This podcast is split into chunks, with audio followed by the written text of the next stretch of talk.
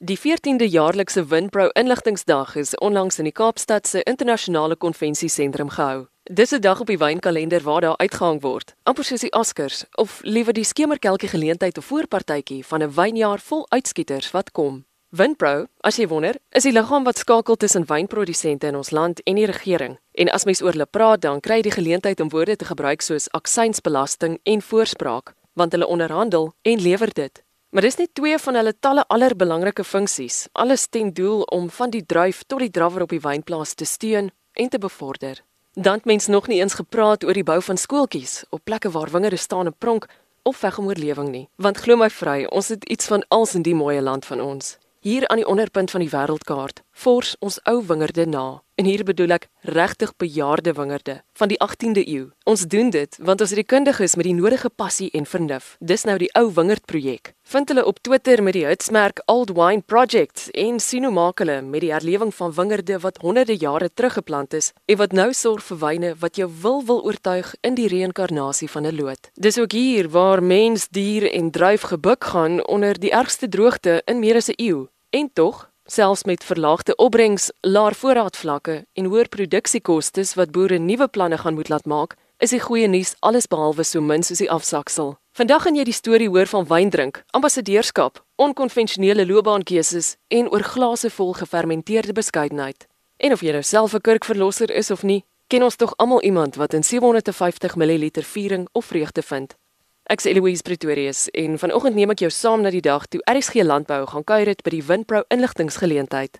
Veteraan joernalis en skrywer Max de Pre was een van die sprekers op die dag. Hy sê sy liefde vir landbou het die uitnodiging onweerstaanbaar gemaak. Ek was geesdriftig om te kom na die Winpro konferensie toe want ek het 'n groot sagte plek vir landbouers.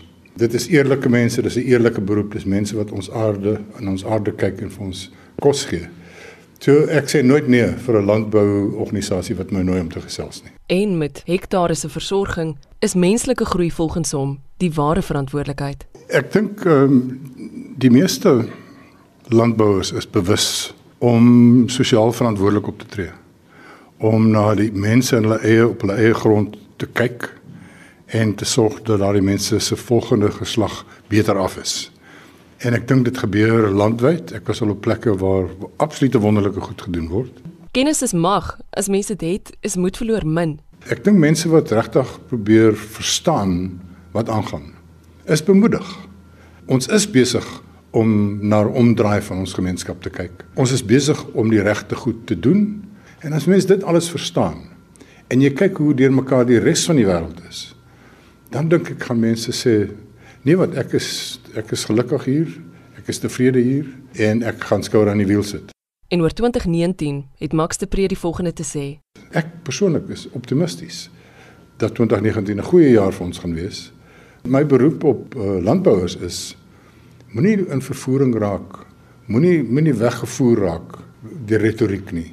Kyk na jou eie mense, kyk na jouself, konsolideer jou besigheid en probeer dieper kyk as die opskrifte en probeer verstaan wat aangaan en sien raak dat ons 'n inherente selfkorrigerende meganisme in hierdie land het. En ons is besig om dit te ervaar op die oomblik. Maar ons moet bekommerd wees oor klimaatsverandering. Ons moet bekommerd wees, bekommerd wees oor armoede en werks, werkloosheid en ongelykheid in die land. Maar dit is goed waar ons iets kan doen. De Preese man wat al 9 boeke oor Suid-Afrika geskryf het, nommer 10 is ook in wording. Ek skryf 'n boek oor grond oor oor patrone van grondeienaarskap deur die eeue van 1652 oh, eintlik van voor 1652 af. Hoe was die patrone weet wat 'n grond besit? Wie was waar op die grond in die in die 17de eeu? En wat was hulle siening van grond? Maar ek dink ons kan 'n hele hoop valshede by die venster uitgooi as ons regtig gaan terugkyk en na die geskiedenis kyk oor wie het waar gebly en wat het dit beteken. Die mediaman sê sy ewe kneuse oog moet inwees. Stories van omgee is volop. Hoe lewe die mense? Hoeveel goeie goed gaan daar in hoeveel dorpe en stede aan? Absoluut ongelooflike goed waar mense mekaar help. Hoe goed kom Suid-Afrikaners oor die weg op plase, op die fabrieksvloer, in kantore? Uitstekend kom hulle oor die weg. Ek dink ek sou graag wil hê die media Ek hou nie van 'n goeie nuusmedia nie, maar daarom nie net die drama en die trauma raak sien nie en en nader aan die mense beweeg en sê dit is hoe mense lewe en dit is wat mense dink. Het jy geweet meer as 1 miljoen bottels Suid-Afrikaanse wyn word elke dag wêreldwyd verkoop? Ja, wyn is vir ons 'n groot ambassadeur. Uh, oral waar ek in die wêreld kom, praat mense van van wyn, Suid-Afrikaanse wyn wat so goed is vir so 'n lae prys. En soos dit ek vanmôre hier al agtergekom het, is daar nuwe inisiatiewe ook in plekke te gaan so China wat 'n ontsaglike groot mark is. Dit is een van ons groot advertensies is die onverwagte ding dat 'n Afrika land van die beste wyn in die wêreld kan maak. Joernalis, optimis, wynbewonderaar en liefhebber van landbou Max de Pre. Nog iemand wat as spreker opgetree het by vanjaar se Winpro inligtingsdag was Robert Joseph van Brittanje. Sy besigheidskaartjie sê hy's 'n wynskrywer, maar hy beweer dat hy meer van 'n wyndenker is as enigiets anders.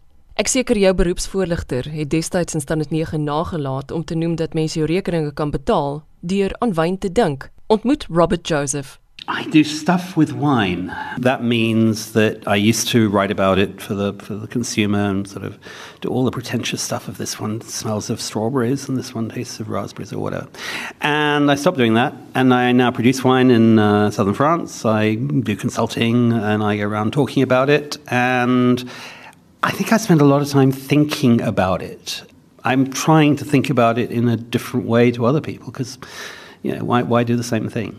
En volgens hierdie internasionale wynkenner, is dit opvallend om te sien hoe lief boere in ons land is vir saamwerk. They're exploring, they're trying new things, they, they work together in all sorts of ways. And I think that's, that's, you know, nobody knows what the next vintage of South African wine is going to bring. You know, there are, there are people arriving from left, right, and centre, and, and regions. You know, I think that, you know, in the old days, Stellenbosch was like the, the holy grail or one of the holy grails. You know, now people are making great wine in other places, and people are talking about Swartland, and people are going to Torbach, and all sorts of places. And serious wines, world class wines. So I think that's really, really exciting. Tydens sy aanbiedings deel Robert Joseph altyd 'n paar kitsfeite oor wyn wat bywoners gewoonlik slaan vir 'n 6. Hier's een van hulle. One of the slides that I didn't use today but I love using is a piece of graffiti which it says question everything huge writing and underneath someone's written why. And I don't think the wine industry is very good at asking why. I think we, we've got a recipe book that comes out of France. So anybody who's got Cabernet Sauvignon thinks they've got to have some Merlot and some Cabernet Franc. And it's as if some kind of French god said, ah, here are the recipes of how you make wine. White wine has to be Chardonnay or Riesling, whatever. And actually, it doesn't. And one of the strange rules that, that comes from the past is the wine bottle. So every wine shop, everywhere, they've all got wine bottles of the same size. There's four shapes, roughly. And it doesn't matter, sparkling, still, red, white, pink, it's all 75 centilitres. Perfume's in different sizes, beer is in different sizes. So why have we got stuck with that 75 centiliter bottle and why is, why is it that size?